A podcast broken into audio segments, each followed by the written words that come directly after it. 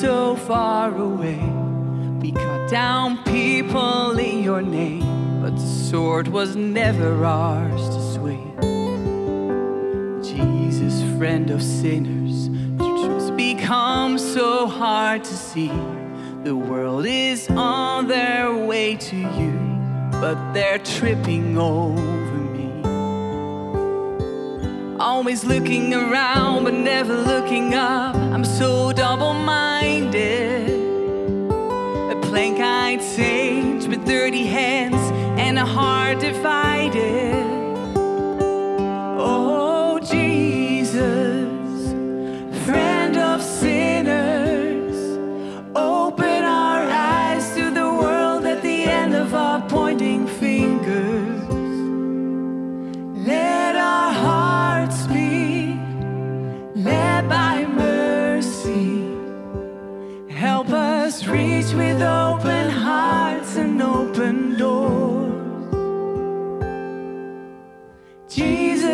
Of sinners, break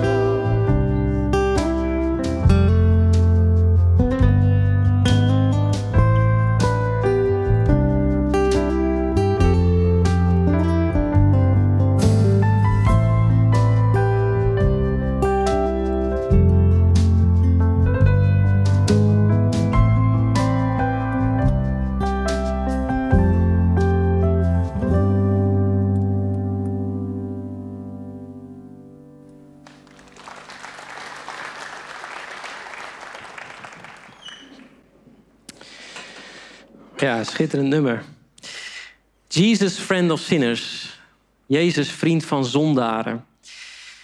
Dat is het nummer wat net eh, gezongen werd. En het nummer, als je een beetje naar de tekst luistert, dan gaat het eigenlijk over een christen die beleidt, die naar God toe zegt eigenlijk: Ik ben helemaal niet een voorbeeld ehm, ja, het voorbeeld wat ik eigenlijk zou moeten zijn voor de wereld.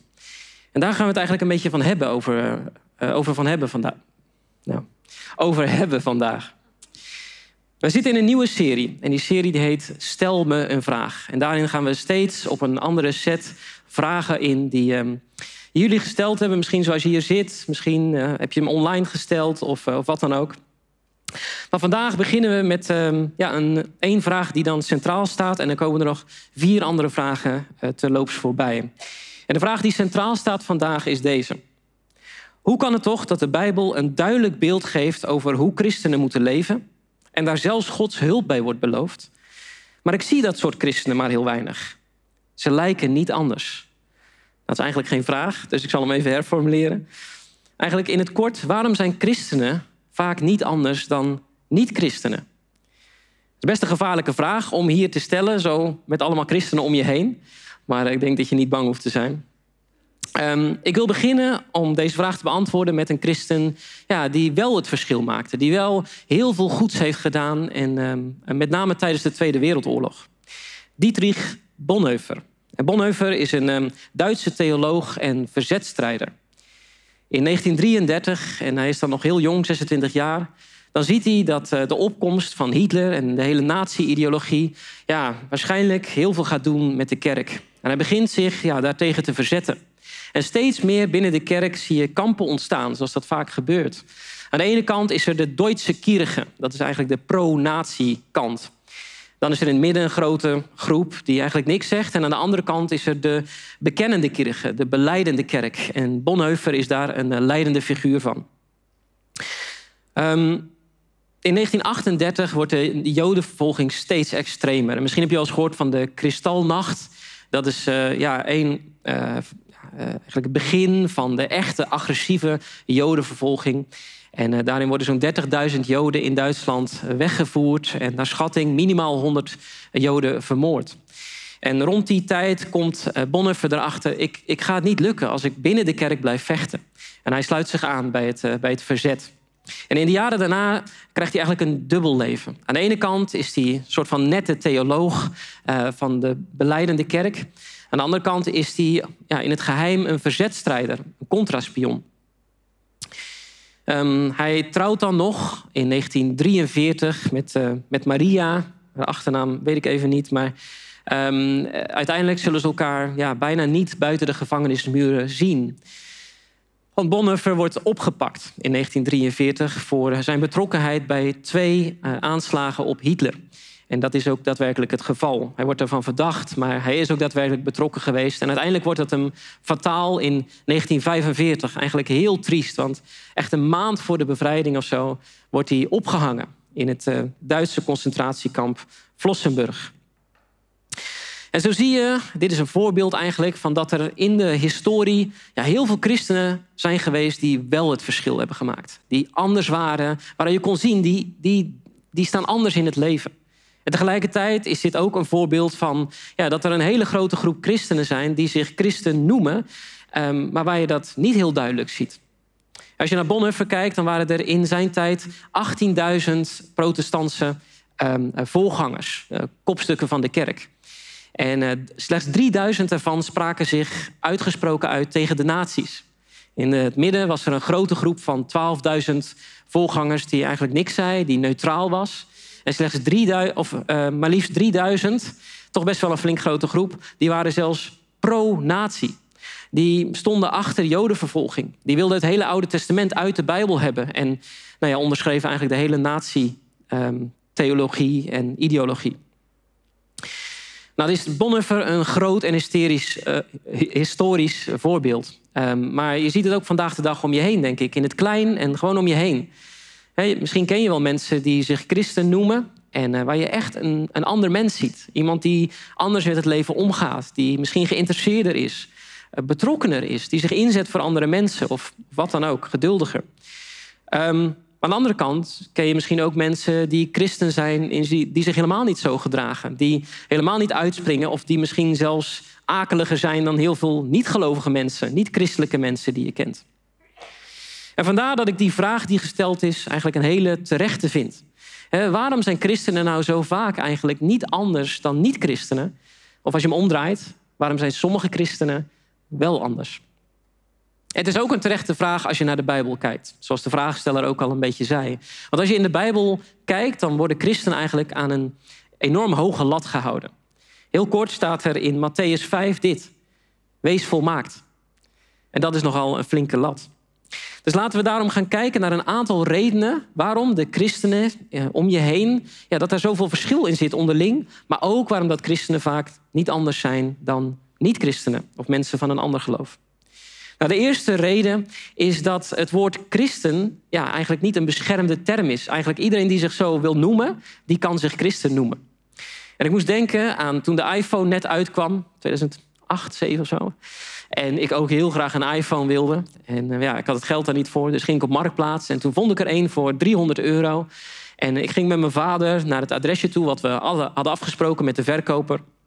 En we kwamen daar en die man die stond al niet helemaal bij het adresje... en op straat. En eigenlijk heel, als je het zo hoort, heel eh, bedenkelijk natuurlijk, opmerkelijk. Maar goed, ik wilde die iPhone zo graag dat ik verder geen vragen stelde. En ehm, verder ging met de transactie... Dus hij liet me zo die iPhone zien. En ja, het leek wel op een iPhone. Maar ik dacht, ja, toch even aanzetten. En toen zette ik hem aan. En toen verscheen er opeens een beeld. Dat ik dacht, nou, voor de IT'ers, het leek een soort uh, zelfgeknutseld JavaScriptje. Of, uh, uh, maar in ieder geval, het leek niet op een iPhone. toen ik hem aanzette. Nou, die man die rende natuurlijk hard weg. En alles ging niet door. En we waren bijna opgelicht. Gelukkig de 300 euro nog in, in onze zak. Maar sommige dingen lijken dus op het eerste gezicht heel echt. De mooie foto's op Marktplaats, toen ik hem in mijn hand kreeg. Maar toen ik hem aanzette, ja, toen bleek het toch namaak te zijn. En zo is het eigenlijk ook met het christendom. Er zijn heel veel namaakversies van het christendom. Replica's, zou je kunnen zeggen. En die lijken van de buitenkant op het christendom. Maar als je ze aanzet, als je dichterbij gaat kijken... ja, dan is dat niet het geval. En wat eigenlijk al deze namaakversies ja, ehm, als gemene deler hebben, is dat ze niet tot diepgaande verandering leiden. De Bijbel die voorspelt dat als iemand ja, gaat geloven in de boodschap van de Bijbel, in God, in de God van de Bijbel, ja, dat er dan iets gaat gebeuren. Dat hij als het ware een nieuwe geest, een nieuw perspectief in zich krijgt. Dat staat er zo. De vrucht van de geest is echter liefde, blijdschap, vrede, geduld en nog heel veel van die mooie woorden, van die ja, uh, mooie veranderingen, als je dat kan bewerkstelligen in je leven. Dus als iemand zich christen noemt, zou je eigenlijk die verandering moeten gaan zien. Dat hij anders gaat worden, dat hij ja, zich anders gaat gedragen.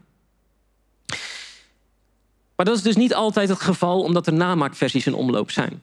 En een van de meest voor de hand liggende namaakversies ja, dat is als je wel iets in je christelijks in je leven hebt gehad, maar waar dat voor de rest geen inhoud heeft gehad. En noem bijvoorbeeld als je christelijk op bent gevoed, of als je naar een christelijke school bent geweest, of als je in een regio of een land opgroeit wat christelijk is. Of misschien iets wat je hebt, als je een kruisje draagt, of als je een Bijbel thuis hebt, of een tattoo hebt van een kruis. Of misschien door iets wat je doet. Eh, sommige mensen die eh, bezoeken af en toe een kerk of mensen die, ehm, eh, die steunen uh, een kerk of misschien een christelijke organisatie. Hè? Ik denk aan een Compassion bijvoorbeeld, die, uh, die kindjes in Afrika helpt. Nou, christen word je niet door dit soort dingen. En nou, ik denk dat dat voor de meeste mensen bekend is. Tegelijkertijd kan ik me goed voorstellen dat je dat misschien wel altijd hebt gedacht. En ik hoop dat ik je dan ja, een ander perspectief mag geven vandaag.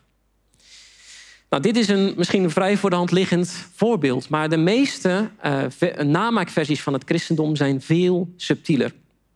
In de Bijbel uh, gaat een heel groot gedeelte eigenlijk van de Bijbel gaat over deze subtiele verdraaiingen van het christendom. En daar wordt het, het dwaalleer genoemd. Maar bijvoorbeeld, uh, veel versies van het christendom stellen centraal dat God jou iets wil gaan geven. Rijkdom of succes of, of misschien gezondheid omdat je ziek bent. Het is eigenlijk net als op YouTube dat je van die filmpjes voorbij ziet komen dat Bitcoin jou rijk gaat maken. Alleen in dit geval is het dan niet Bitcoin wat je rijk gaat maken, maar God gaat jou rijk maken. En je kunt dit type christendom eigenlijk vergelijken met een man die alleen maar geïnteresseerd is in een vrouw omdat hij seks met haar wil. Zolang dat hij zicht heeft op, uh, op dat dat gaat gebeuren, ja, dan wil hij van alles doen. Dan is hij de meest romantische persoon op aarde en dan verandert hij helemaal en et cetera. Maar als dan blijkt dat ze een beetje moeilijk gaat doen, ja, dan op een gegeven moment haakt hij af en dan blijkt al die verandering niet echt te zijn geweest. Nou, en zo is dit type christendom ook. Als je alleen naar God gaat omdat Hij jou wat gaat geven, ja, dan is dat, geen, dat is niet de echte versie van het christendom. En dat zal dus ook, ja, zal je niet veranderen in een diepe, op een diepe manier. Nou, daarnaast is er nog een ander soort subtieler namaak. En dat is dat de christendom wordt vermengd met de cultuur. En hier wil ik iets langer bij stilstaan, omdat ja, dit een super relevant thema is. In de Bijbel staat dit. En wordt niet gelijkvormig aan de wereld. Oftewel, wordt niet te veel onderdeel gelijk aan ehm, de cultuur waarin je woont. Maar wordt hervormd door de vernieuwing van je denken. Wordt anders. Ga leven op de manier zoals de Bijbel dat beschrijft. Nou, even een paar disclaimers. Dit is niet een oproep in de Bijbel om je altijd te gaan verzetten tegen de cultuur of om daarop neer te kijken. Integendeel, een christen moet in de meeste gevallen altijd onder de overheid blijven en gehoorzamen. Alleen in echt uitzonderlijke gevallen, zoals bij Bonhoeffer bijvoorbeeld, is dat anders. En daarnaast moet een christen zich altijd eh, de ander hoger achten dan zichzelf. Dus er is geen aanleiding om neer te kijken op bepaalde groepen in de cultuur. Sterker nog, ehm, christenen moeten in iedere omgeving het zoutende zout zijn. Ze moeten ervoor zorgen dat de cultuur niet bederft en dat het zijn smaak behoudt. Maar wat betekent het dan wel om niet gelijkvormig te worden met ja, de omgeving, de cultuur om je heen? Nou, het beeld voor een christen is om enerzijds helemaal onderdeel te worden van die cultuur. En om te zorgen, het zoutend zout te zijn. Dus ja, daar iets moois te betekenen, om anders te zijn. Um, maar tegelijkertijd om niet de, je christelijke waardes te gaan verwateren met ja, waardes die vanuit een cultuur komen, wat voor cultuur dan ook. Nou, waarom is dat zo belangrijk? Nou, als je simpelweg naar die tijd van Bonhoeffer kijkt, ja, dan zag je dat de nazi-ideologie vanuit de cultuur werd vermengd met de waarden van de kerk. Ja, en dat dat ertoe leidde dat een hele grote groep christenen niet opkwam tegen ja, bijzonder groot kwaad. En zo kan het heel subtiel binnensluipen. En zo vind, denk ik persoonlijk dat er op dit moment ook een hele grote vermenging plaatsvindt tussen de cultuur en de kerk. En ik zal er een paar voorbeelden van geven. Een paar kenwaarden vanuit de, de cultuur om ons heen, waar je misschien onderdeel van bent, waar ik onderdeel van ben, ehm, eh, eh, die nu de kerk binnenkomen, zijn deze. Eén, niemand kwetsen is belangrijker dan de waarheid vertellen. Twee, er zijn veel interpretaties mogelijk van de Bijbel en van de waarheid, en dus is er geen waarheid. Derde, de belangrijkste richtingwijzer voor je leven is dat wat goed voelt. En dit gaat allemaal heel subtiel onder ja, schuilwoorden als het ware van liefde en diversiteit en inclusiviteit. En dat zijn allemaal hele goede dingen in beginsel. Alleen als je in de Bijbel kijkt, ja, dan zit daar een andere betekenis aan dan ja, in, in onze cultuur. En een van de vragen die gesteld werd, daar zie je dat ook in doorklinken. Die vermenging van kerk en cultuur. Dat was deze vraag. Er zijn zoveel religies en godsdiensten. Hoe mooi zou het zijn om elkaar allemaal te respecteren? Ik respecteer mijn moslimvrienden, zegt iemand. Iedereen mag zijn die hij wilt zijn met zijn geloof. Zou het ooit kunnen? Nou, ik ben het daar helemaal mee eens voor wat betreft het respecteren.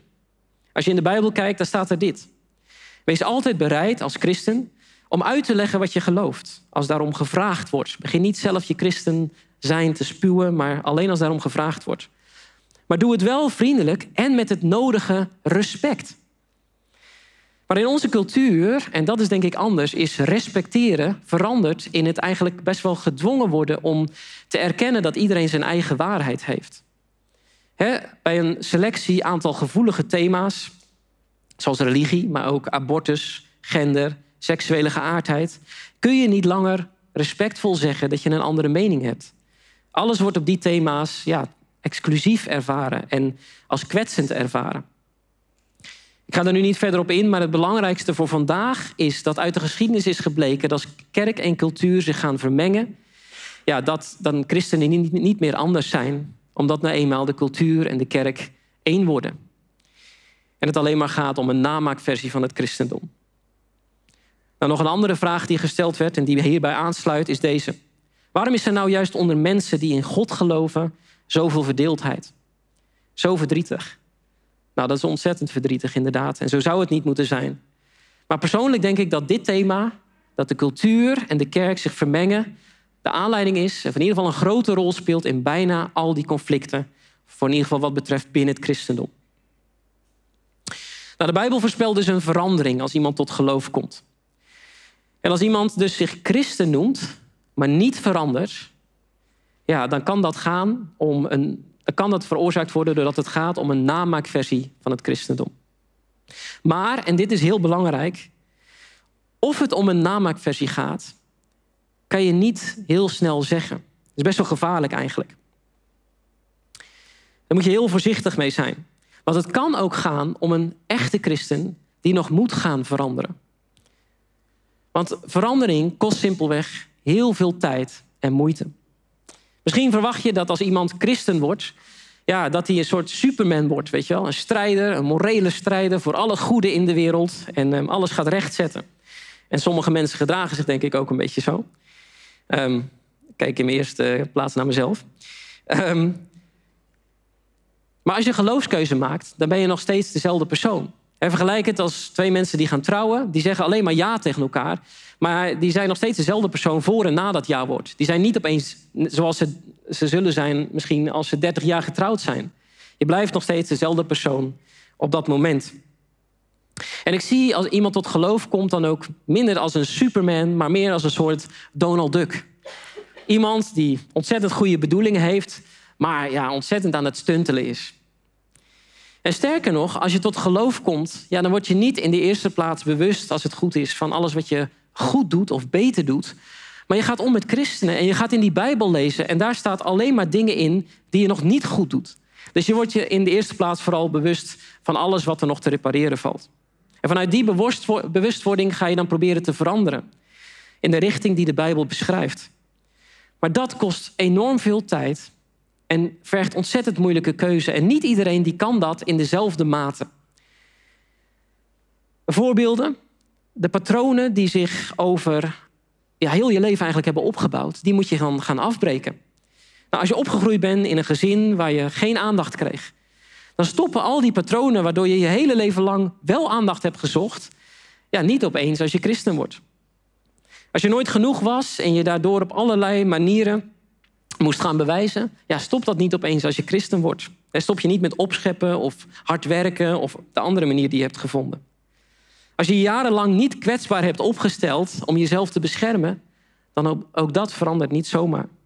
En als je jarenlang een sterk verantwoordelijkheidsgevoel hebt gevoeld en, en daardoor altijd kritiek op anderen om je heen, ja, ook dat is niet zomaar weg. En zo is de lijst mogelijkheden natuurlijk eindeloos.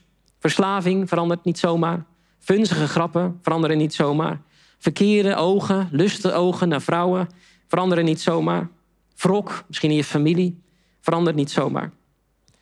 En de kern van echte diepe verandering vanuit een echte versie van het christendom is om te gaan ontdekken hoe God naar je kijkt. En dat komt straks aan het einde nog terug. Maar de kern is dit: christenen doen er jarenlang over om dit te doorbreken. En soms lukt dat, eigenlijk misschien niet eens in heel veel gevallen. De meeste lukt het een beetje en heel veel mensen lukt het helemaal niet. We hebben dus eigenlijk naar twee redenen nu gekeken waarom dat christenen niet anders kunnen zijn. Eén, omdat het om een namaakversie gaat van het christendom. En twee, omdat veranderen voor een echte christen, die het echt oprecht een keuze heeft gemaakt, um, ja, simpelweg heel veel tijd en moeite kost. Maar dan is er nog een laatste reden. Waardoor het kan zijn dat je bij een christen in je leven hebt waar je denkt, nou, hoe kan die nou christen zijn?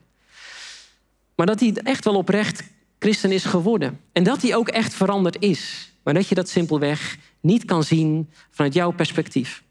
En om dat uit te leggen wil ik naar een korte video kijken. Dit gaat loeihard. Hoewel Fabio Jacobsen. Kom je daar nog langs? Ja! Jacobsen komt er langs. En dan te bedenken dat twee jaar geleden dit gebeurde.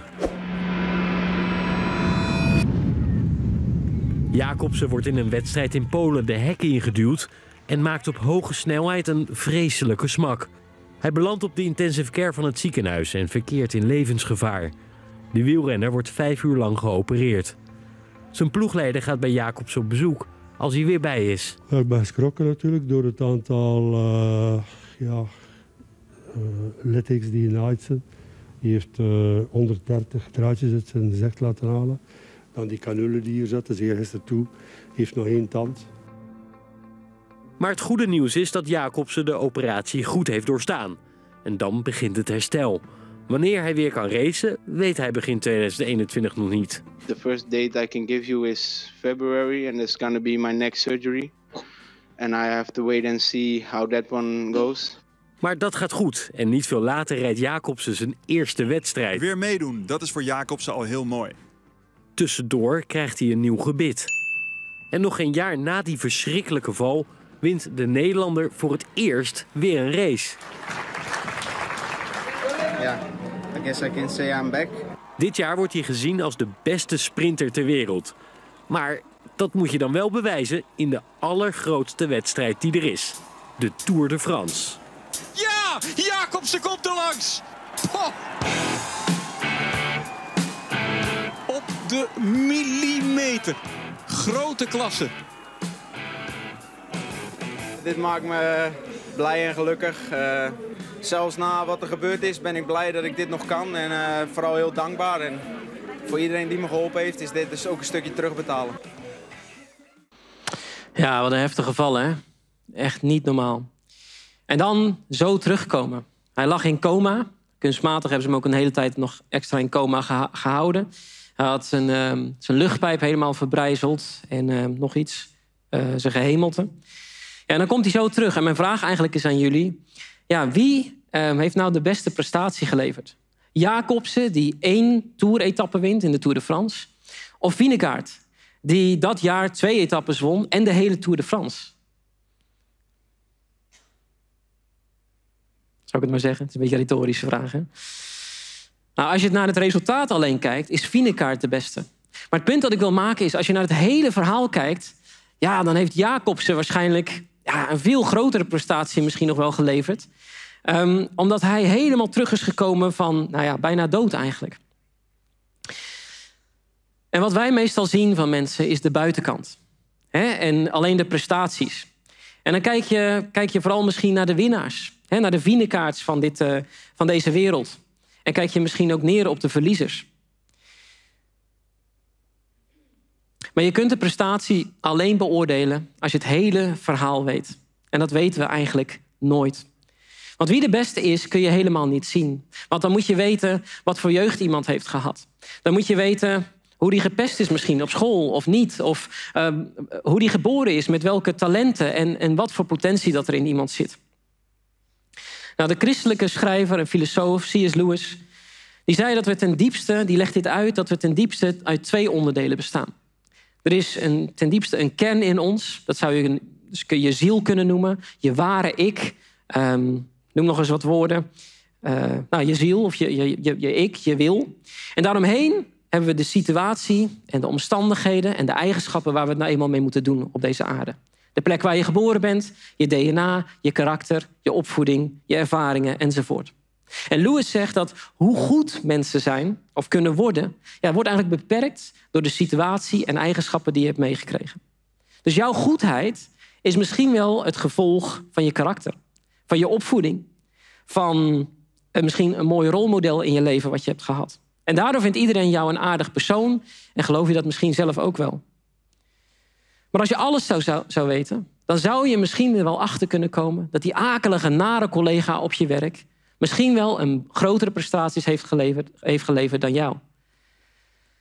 Want als je zou weten hoe hij gepest is op school, dat zijn ouders nooit thuis waren, dat hij allerlei antennes mist in zijn leven om sociaal gevoelig te zijn, dan is het misschien wel een wonder dat deze persoon nog enigszins mee kan komen in deze wereld. En dit inzicht is zo ontzettend ongelooflijk diep. Denk even met me mee. In Nederland vinden we onszelf best wel goede mensen. Ik ga dat nu niet onderbouwen, er zijn heel veel voorbeelden van. Um, maar zou het niet eraan liggen dat we misschien simpelweg in Nederland geboren zijn in deze tijd? Alleen al. Zouden wij niet, als we in het Duitsland van de Tweede Wereldoorlog zouden zijn geboren, ja, zouden we dan niet veel waarschijnlijker ook nazi zijn geweest, zoals de merendeel van het Duitse volk, in plaats van een verzetstrijder? Ik geloof dat wel. En jouw aardigheid en mijn aardigheid zou wel eens het resultaat kunnen zijn van jouw bevoorrechte situatie. De aangeboren eigenschappen, waar maar heel weinig eigenlijk van, dat, van jouw ware ik, van jouw ziel in zit. En als je in de Bijbel kijkt, dan staat er dit over de bevoorrechte situatie die niet iedereen, veel mensen niet, maar sommige mensen hebben. Als iemand veel heeft ontvangen, zal ook veel van hem worden geëist. Hoe meer je is toevertrouwd, hoe groter je verantwoording is. En als we teruggaan naar de vraag, dan lijkt de vrager eigenlijk te suggereren dat er in de wereld twee groepen moeten zijn als het christendom waar is. Aan de ene kant heb je de niet-christenen en aan de andere kant de christenen. En alle christenen, als het christendom echt waar is, zouden dan beter moeten zijn dan de niet-christenen. Maar dat is denk ik geen realistische verwachting. Want ieder heeft een ander vertrekpunt in zijn leven en een andere potentie. En wij kunnen die potentie niet zien en alle, alle, het hele verhaal, maar God wel. En God, geloof ik, gaat het niet om hoeveel goede of slechte daden dat jij in je leven hebt gedaan, vanuit je bevoorrechte of benadeelde situatie. Maar hij kijkt naar die kern, naar je ware ik, dat daar binnenin. Buiten al die door die goede en slechte daden heen. En daar gaat het laatste deel over. Want tot nu toe hebben we nog gesproken alsof goede en slechte daden, een goed mens worden, het doel zou zijn van het christelijk geloof. Maar dat is niet waar. Bij alle andere religies, bij alle andere systemen gaat het altijd om een bepaald ja, goed wat wordt nagestreefd. Als je dit doet, dan ben je een goed mens en dan mag je naar een bepaalde vorm van een hemel. He, bijvoorbeeld bij de islam. Hou je aan de vijf zuilen, plus leef zoals Allah dit voorschrijft, onder andere in de Koran. En dan ben je een goed mens en dan mag je naar de hemel. Het boeddhisme en het hindoeïsme werken ook met karma, goed en slecht. En het nirvana, een bepaald beeld van de hemel. En werken in dat op, zich, op dat zich hetzelfde. Of het humanisme, zonder God. Als je je eigen waarheid binnenin jezelf gaat ontdekken en gaat uitleven... Ja, dan kom je ten diepste tot je recht. Ben je als het ware een goed mens. En als je dat ook bij anderen allemaal accepteert. En dan haal je het maximale uit je leven. En is dat het beeld van de hemel. En zo vind je datzelfde patroon bij alle ismen. Bij het hindoeïsme, kapitalisme, communisme, socialisme, alle ismen. Maar wat gebeurt er nou, denk even met me mee, als een systeem gebaseerd is op, op karma, op goed en slecht, op een ethiek? Dan krijg je altijd een rangorde van goede mensen tot slechte mensen. En de goede mensen kijken dan neer op de slechte mensen. En de slechte mensen die kijken vol walging naar boven. Maar het evangelie, de boodschap van de Bijbel, is daarin fundamenteel anders. Want het evangelie is niet een verhaal over hoe jij met je goede daden op kan klimmen tot de hemel, maar hoe God vanuit de hemel naar beneden kwam om een plaatsje voor jou te bereiden, mogelijk te maken.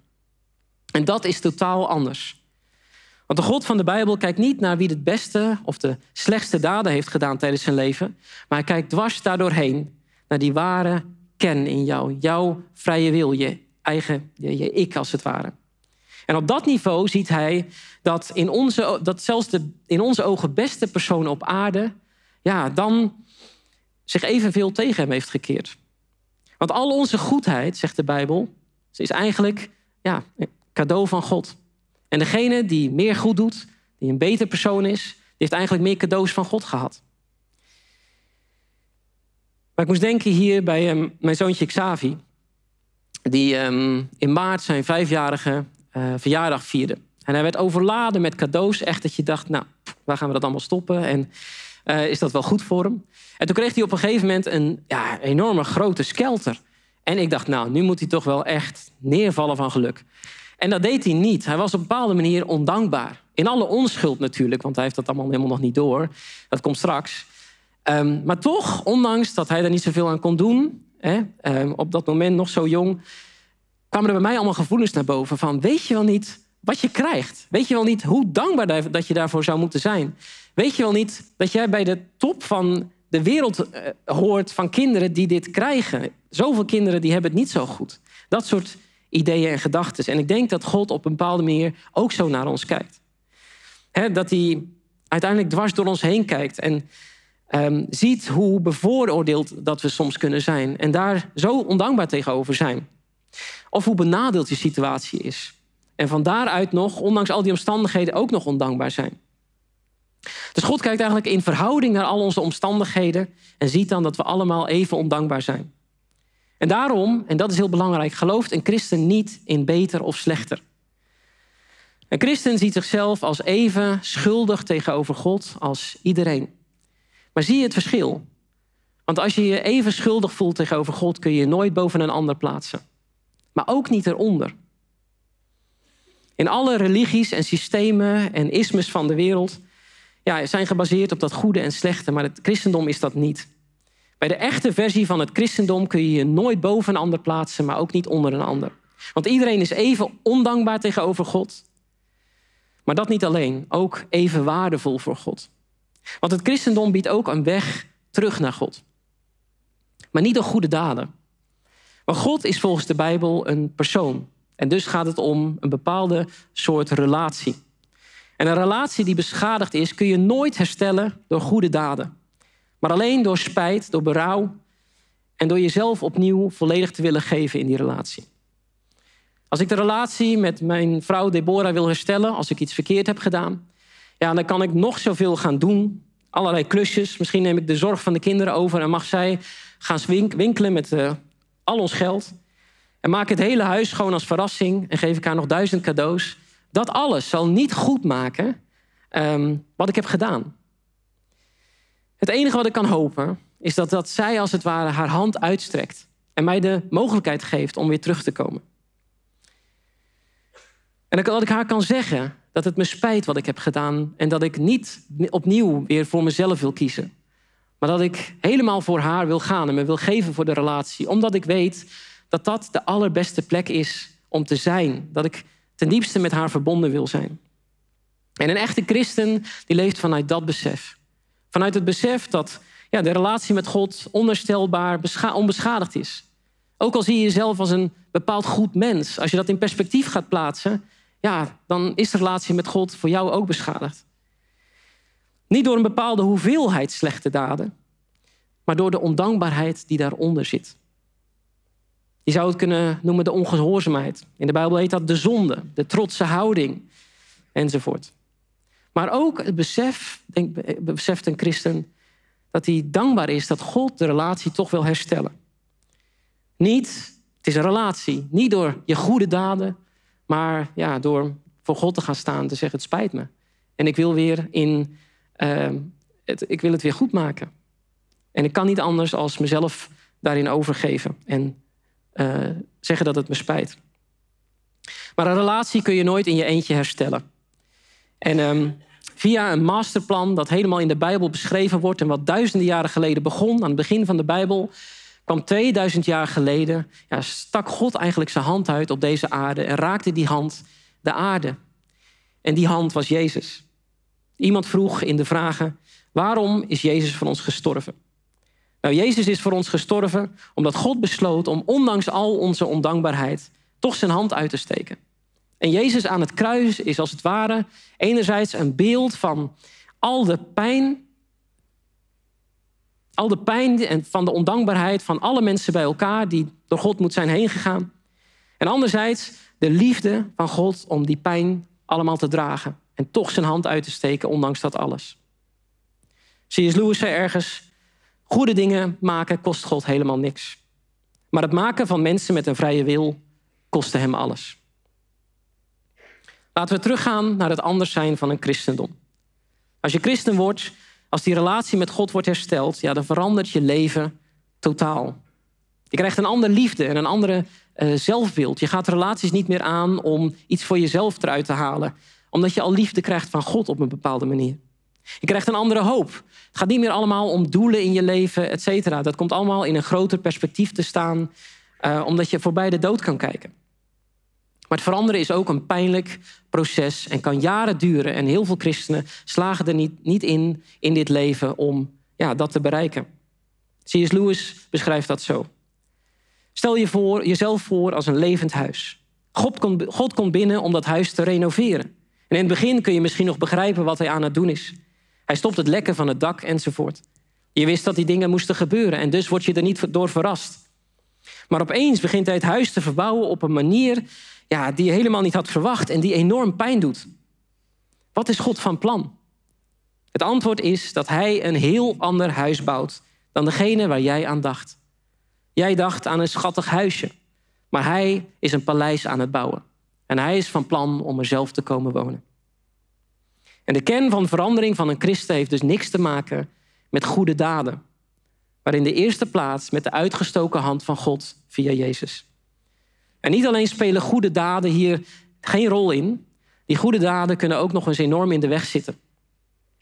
Toen Jezus hier op aarde liep, toen was hij een friend of sinners bovenal, een vriend van zondaren. Hij ging vooral om met de slechte mensen van die tijd.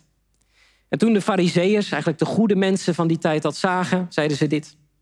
Waarom eet uw meester, Jezus, met tollenaars, mensen die geld van het volk afpakten, en met zondaars en hoeren? Hij, Jezus, hoorde dit en gaf als antwoord: Gezonde mensen hebben geen dokter nodig, maar zieken wel. Oftewel, wel mensen aan de onderkant van de samenleving, de slechte mensen, ja, die weten dat ze tekortschieten. Die weten dat ze fouten maken en soms een redder nodig hebben. En die zullen dus meer openstaan voor deze boodschap van Jezus. Maar mensen die aan de bovenkant van de samenleving zitten, die alles op de rit hebben, ja, die denken dat ze aardige mensen zijn. En zo heb ik persoonlijk ook geleefd. En ze hebben niemand nodig. En dan is het veel moeilijker om te erkennen dat je een redder nodig hebt. En dat kan je enorm belemmeren om deze boodschap aan te horen en binnen te laten komen. En op een van de vragenkaartjes die ingeleverd, stond, uh, ingeleverd zijn, stond dit.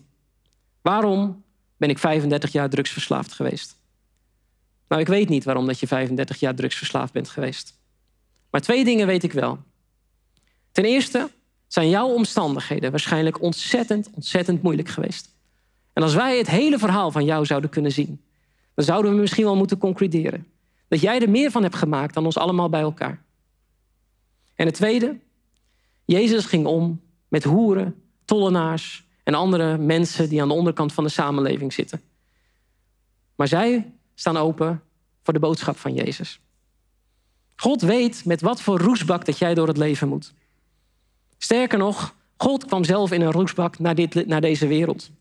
De God van hemel en aarde werd als geboren als een baby. In een gezin onderaan de samenleving, op een plek onderaan de samenleving, in een stal. En vanaf zijn geboorte werd hij vervolgd, probeerden ze hem te doden. Hij werd verraden door vrienden, belachelijk gemaakt door het volk, bespuugd, geslagen, gemarteld en uiteindelijk stierf hij op de meest gruwelijke en vernederende manier die je maar voor mogelijk kan houden. Naakt aan een kruis. En Jezus weet beter dan iedereen wat jij doormaakt, want hij heeft het zelf doorgemaakt. En als jij jouw ziel en je roesbak aan hem wil geven, dan wil hij een nieuwe auto geven. Misschien een stukje in, deze, in dit leven, als jij hem dat laat doen, als je vol wordt van hem, waar we zo over gaan zingen, of gaan, gaan luisteren. Um, maar zeker in het leven hierna. Laten we naar de conclusie gaan. De hoofdvraag van vandaag was waarom christenen toch zo vaak niet anders lijken. Waarom zijn ze niet anders of niet beter dan ja, mensen die helemaal niet geloven of een ander geloof hebben? Terwijl de Bijbel hun wel zo'n hoge lat voorlegt. Nou, eigenlijk, of dat kan liggen aan misschien een namaakversie van het christendom. Het kan ook liggen aan dat iemand nog tijd nodig heeft om te veranderen, of dat misschien wel nooit behaalt in zijn leven. Maar eigenlijk kunnen we dat ook helemaal niet zeggen als we naar de buitenkant kijken. Want we kennen het hele verhaal van iemand niet. Van niemand. Maar een christen gelooft als enige van alle andere systemen dat goede daden ten, ten diepste, in de eerste plaats, niet toedoen. Dat ze niet het startpunt zijn, maar een gevolg. Alle andere religies gaan ten diepste om vanuit goede daden je op te werken naar een bepaalde hemel. Maar een christen gelooft juist dat God naar de hemel kwam om eh, een plekje voor jou in de hemel te maken. En een christen die zich volledig overgeeft aan God, ja, die gaat op een manier veranderen. Of die kan op een manier veranderen. Ja, waar eigenlijk jijzelf, de mensen om je heen, een coach, een therapeut, ja, bij je het niet vallen. En het verhaal is rond. Als we kijken naar wat SS-kampdokter Herman Fischer Hulstroom in 1955 schreef over Bonhoeffer. En hoe Bonhoeffer anders was dan wat deze dokter ooit had gezien. Hij schreef dit. Door de half open deur van een kamer in het kazernegebouw zag ik dominee Bonhoeffer in een gebed diep knielen bij zijn Heere God, voordat hij de, gevangenen, de kleren van de gevangenen uittrok. En ik was diep geschokt door de toegewijde en zekere manier van bidden van deze buitengewoon sympathieke man. Hij sprak ook kort een gebed uit op de plaats van executie en beklom toen, moedig en kalm, de trap naar de galg. De dood trad na een paar seconden in. In mijn bijna 50-jarige carrière als arts heb ik zelden een man zo vroom zien sterven. Ik geloof vast dat God niet kan wachten om iets prachtigs van je te maken. Als je vol wil worden van Hem.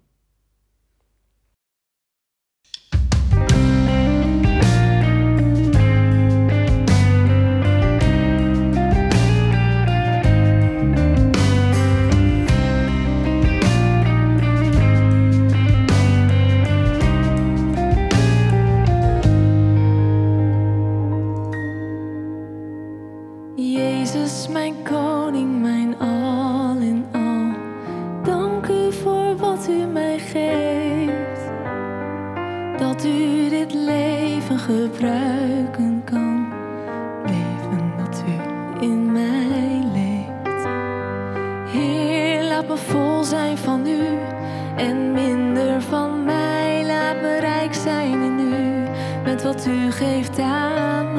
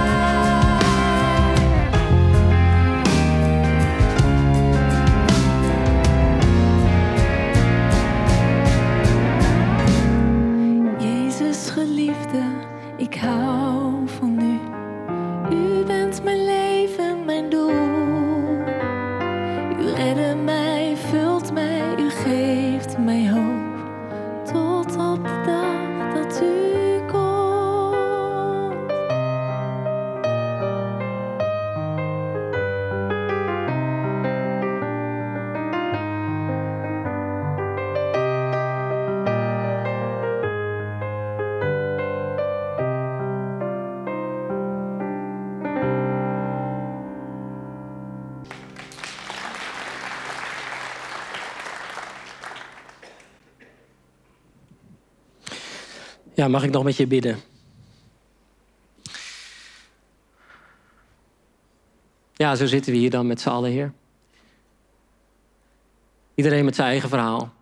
Heer, ik weet niet wat er op dit moment door ons heen gaat. Heer, ik weet niet dat we hier zitten met de, de ruzie die we net gehad hebben. Misschien de dingen die we door het leven moeten slepen, Heer. Onze verslaving, onze jeugd. Misschien hebben we alles op de rit. Heer, u kent ons, geloof ik, door en door op, tot op het diepst van ons zijn, Heer. En u kijkt dwars door al die situaties heen. En u bent uit op ons hart.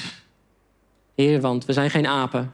We kunnen ondanks alle situaties, alles wat er in ons leven heeft gespeeld, goed of slecht, terug naar u en voor u kiezen. Zo heeft u ons gemaakt, Heer. En ja, dan mogen we vol worden van u. En dat bid ik zo en ieder van ons op zijn eigen manier toe. Amen.